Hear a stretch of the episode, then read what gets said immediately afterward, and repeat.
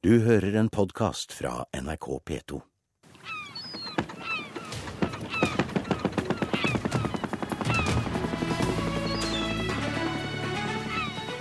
Politisk sommerintervju i Nyhetsmorgen. Jeg heter Ida Gudding Johnsen, jeg er 37 år og jeg står på førsteplass på Venstres liste til kommunevalget i Bodø.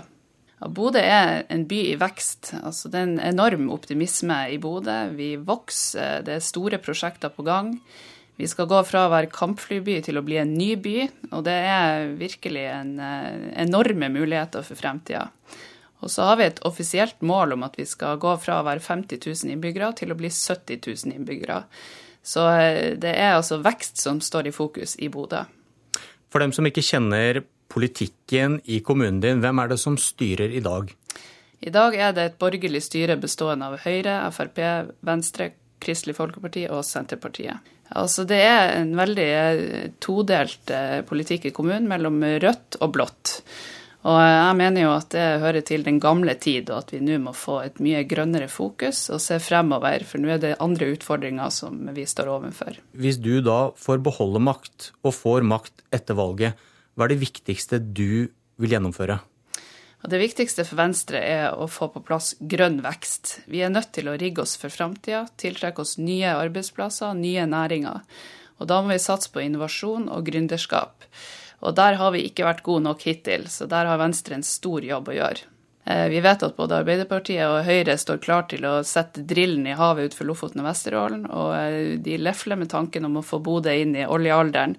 Vi syns det er feil vei å gå. Vi må tenke nytt, gå fremover. Og så må vi satse på de fornybare løsningene. Men er det en utfordring at de arbeidsplassene som ikke er så grønne, de er veldig konkrete. De finnes. Mens de grønne arbeidsplassene du ønsker deg, de vet man ikke helt hvor skal komme?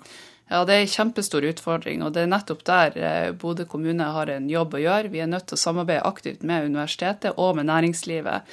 Og få på plass en eh, konkret politikk for å tiltrekke oss de folkene som skal klekke ut de nye jobbene. Vi må ha de kloke hodene i Bodø, og vi må gjøre det attraktivt å bosette seg der. Og lett å etablere seg der som gründer. Og så er det vel lett å stemme på partier som kan love deg sikker jobb i olja?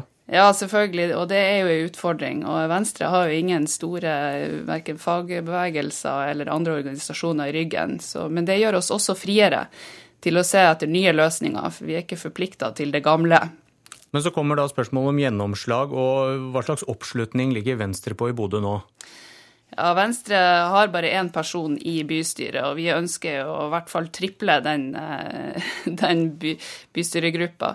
Eh, men det positive for oss er jo at vi ligger i sentrum, så vi kan påvirke politikken og dra den i grønnere retning, enten det blir et rødt eller et blått flertall.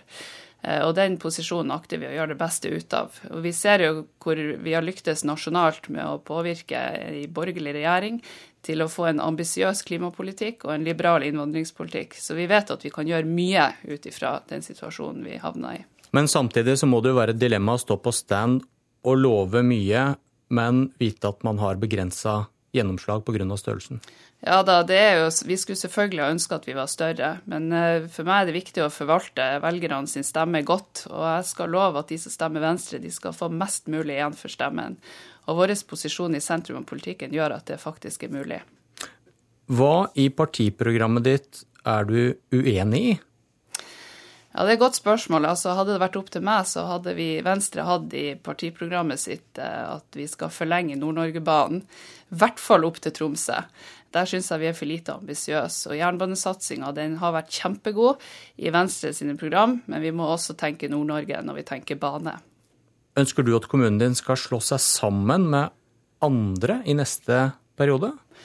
Jeg ser jo helt klart at det er viktig for Norge å få en ny kommunestruktur og få større og sterkere kommuner. og vi, For Bodø sin del så er det absolutt aktuelt å slå seg sammen. For vi trenger, vi trenger store tyngdepunkt i Nord-Norge spesielt, og jeg tror at det er rett vei å gå. Eh, så lenge det også følger større oppgaver, mer midler og mer demokrati med en kommunereform. Er det lett for Bodø å si det som sentrum i regionen? Ja, helt klart. Så vi har jo helt, eh, et helt annet utgangspunkt enn de omkringliggende kommunene. Og, eh, men vi skal, vi skal, åpne våre armer hvis de ønsker å, å, å, slå seg sammen med oss. Og så er det jo helt klart at vi må ivareta også distriktene sine interesser. Og det tror jeg det er gode muligheter for. Ønsker du søndagsåpne butikker i Bodø? Ja, Det er et godt spørsmål. Jeg er sjøl daglig leder for fire butikker, og jeg kommer til å stemme nei for søndagsåpne butikker hvis det blir et lokalt anliggende i Bodø. Hvorfor det? Kan ikke du tjene mer penger på å ha åpent på søndag? Nei, altså Samfunnet er ikke rigga for å ha åpent på søndag. Det går ikke engang busser på søndager i Bodø. Det skal vi selvfølgelig få gjort noe med. Men barnehagene er ikke åpne osv. Og, og jeg tror at eh, vi har godt av en eh, felles fridag. Eh, jeg ønsker at det skal være stengt på søndagene, ikke for at dagen er hellig, men fordi den er fri. Hvordan stiller du deg til tiggeforbud? Ja, det er generelt skeptisk til forbud, og vi kan i hvert fall ikke forby folk å be om hjelp. Så det, det er jeg helt imot. Hvordan er det med tigging i Bodø, da?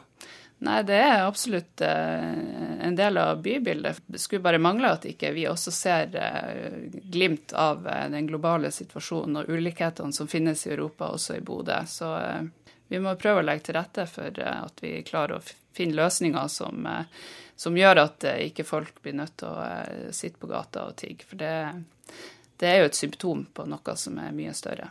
God sommer og godt valg. Tusen takk for det. Du har hørt en podkast fra NRK P2.